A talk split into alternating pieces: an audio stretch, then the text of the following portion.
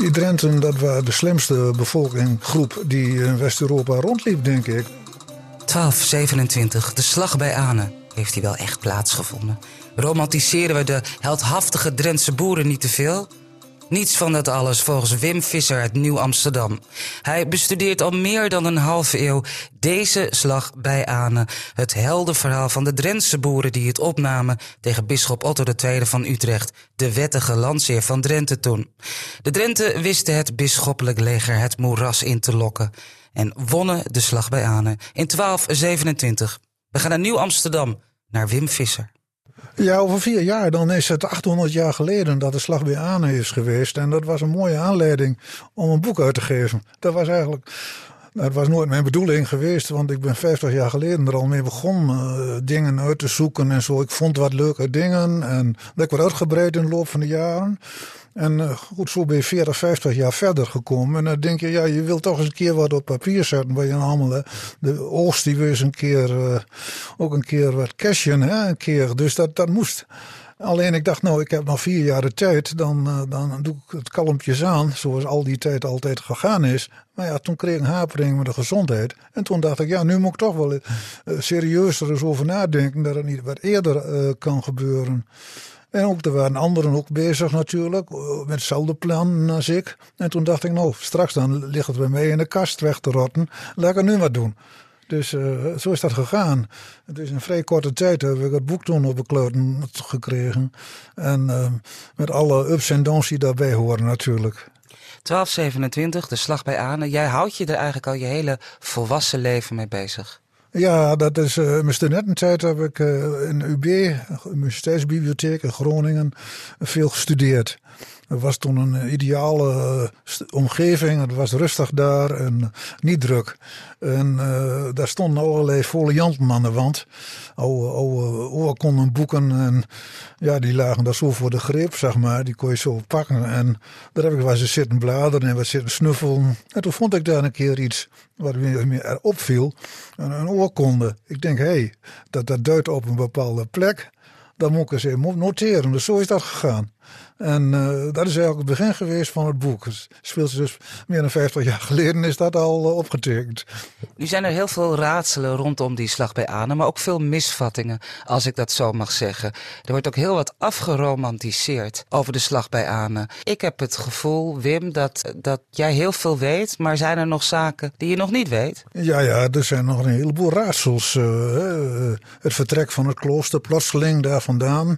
Dus er komen 300 ridders dood.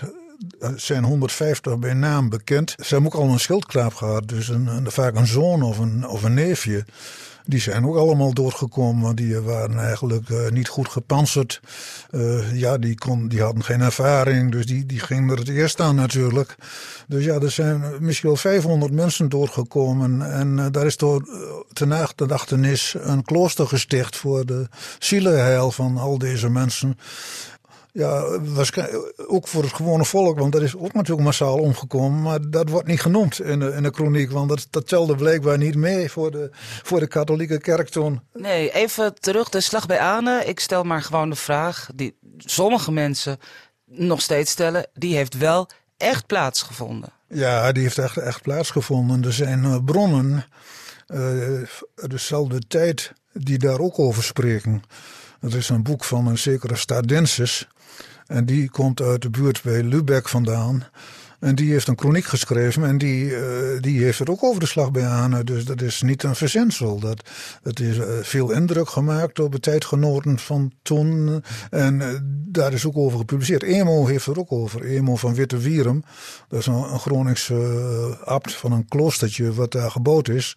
En Witte Wierum, die schrijft er ook over de, over de slag bij Anen. Dus er zijn tijdgenoten die daar ook verslag van hebben gemaakt. Dus de, de, de narratio is niet de enige bron.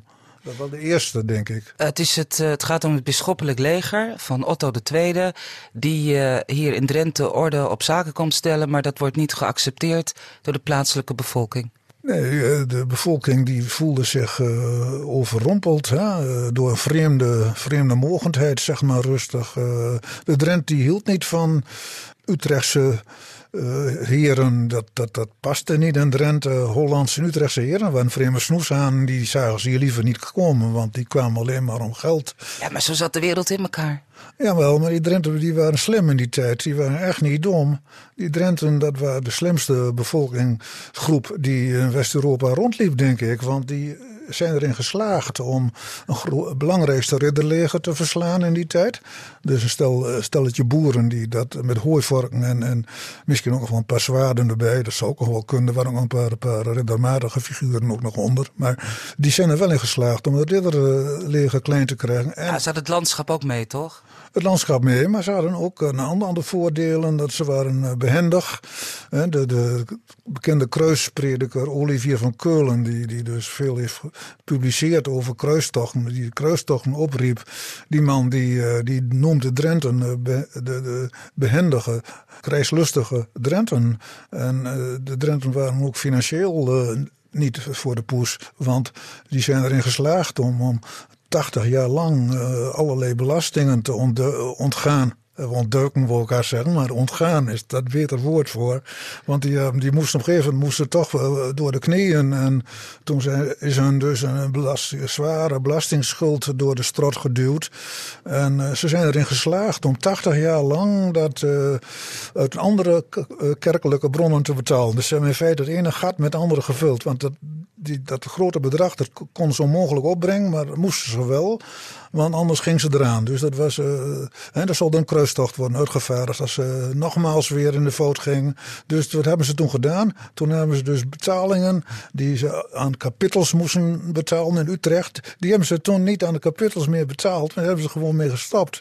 En die hebben ze, daar hebben ze die bischop mee betaald. Dus in feite het ene gat met het andere gevuld en ja. meer gered. Maar de slag bij Ane, die dan weliswaar, kun je zeggen, gewonnen werd die dag door de Drent, de Drenthe die er waren, is, is Drenthe wel duur komen te staan? Dat valt nog te bezien hoor. Uh, Drenthe eh, heeft toch zich vrij uh, onafhankelijk weten te gedragen. doordat de Drenten steeds de, de, de veldslagen die, die na de slag bij Ane ook zijn gevoerd, hebben gewonnen. Twee keer hebben ze zich overgegeven, maar wisten ze met slimme diplomatie toch weer uh, de kop uh, boven water te steken. En die Drenten, die, eh, die hebben, toen is het gelukt dus om, om steeds die, die andere veldslagen, er zijn een stuk of zes, soms met vijf legers tegen hun, te winnen. En dat vind ik niet geringe prestatie. En dat heeft de bisschop zoveel geld gekost dat het hele bisdom eh, bankroet is geraakt en uh, vleugellam. Waardoor die Drenten eigenlijk uh, gewoon een gang min of meer hebben kunnen gaan zoals ze dat voor die tijd ook al, al, al deden en wilden. Dus die, al die plannen, die wilde plannen van die prelaten en, en, en uit Utrecht om Drenthe eh, totaal te onderwerpen. Want dat was een gebied dat lag nog open en bloot voor hun. Want er was, er was wat te halen. Uh, de Drenten die, die, die, die weigerden dat wat. Gingen op een gegeven moment ze dat niet meer betalen.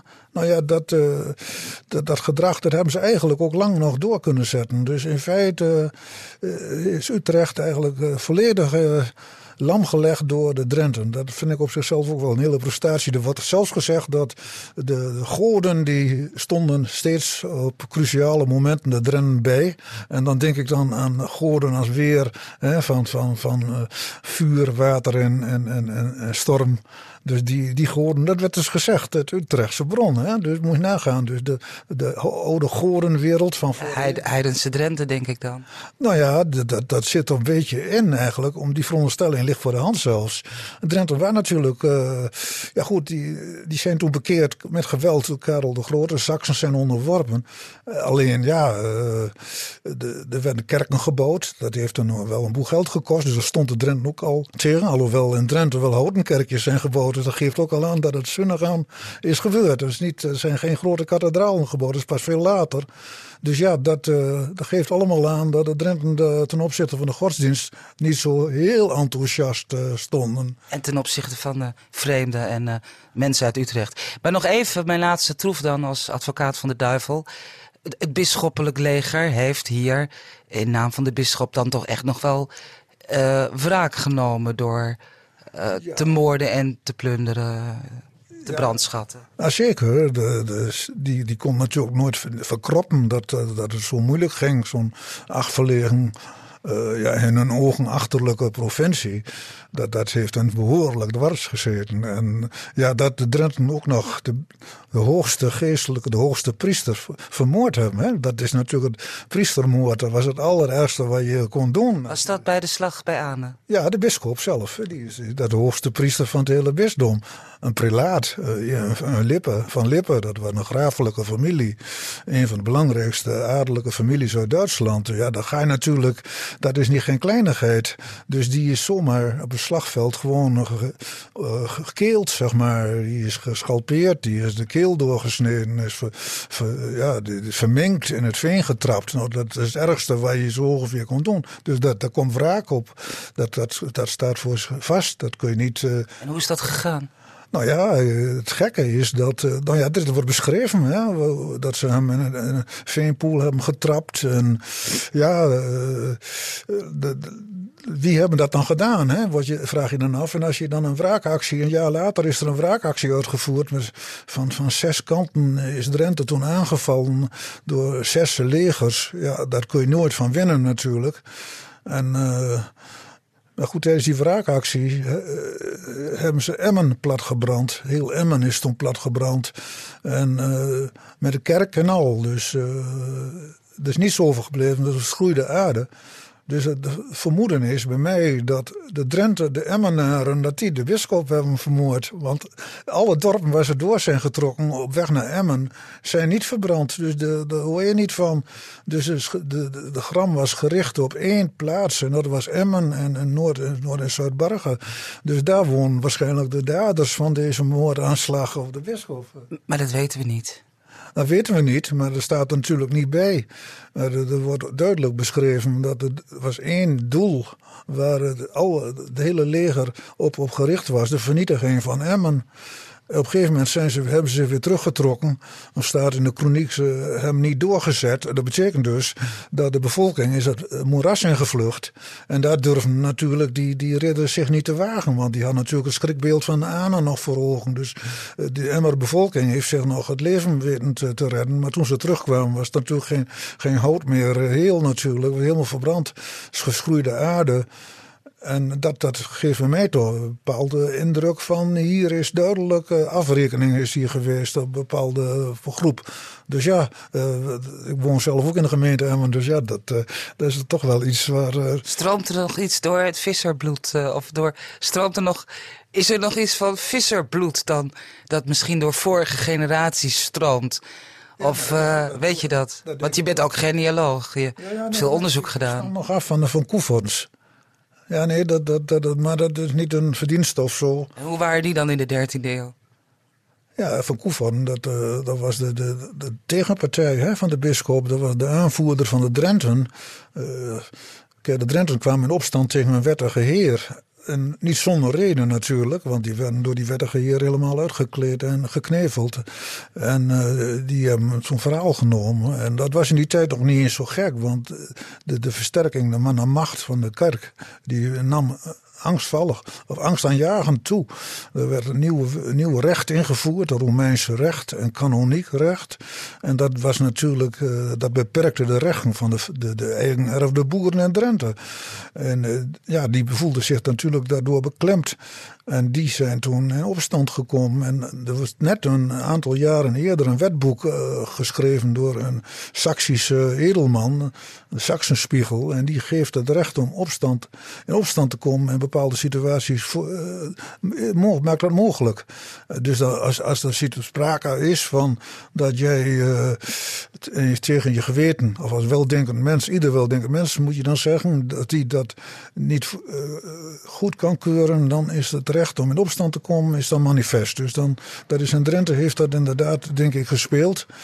En dat ging dan onder de voorwaarden dat de plaatselijke gezagshebber moest daarmee akkoord gaan. Hè? Het is niet zo dat jij op eigen houtje zomaar als uit Emmen uh, in opstand kon komen tegen jouw uh, landsheer. Dus dan moesten de, de plaatselijke gezaghebber, en dat was Rulof van Koevorn in die tijd, want die was ook... Uh, niet alleen kast kastelein van Koevern. En Koevern viel eigenlijk niet onder Drenthe. Hè? Dat was een apart gebied. Dus dat viel eerder onder Salland. Maar die uh, was wel de rechter, van de opperrechter van Drenthe. Dus uh, de, die had de jurisdictie van de, heel het landschap Drenthe. En uh, dat was dan weer de, de plaatselijke gezaghebber die in dat wetboek wordt aangegeven.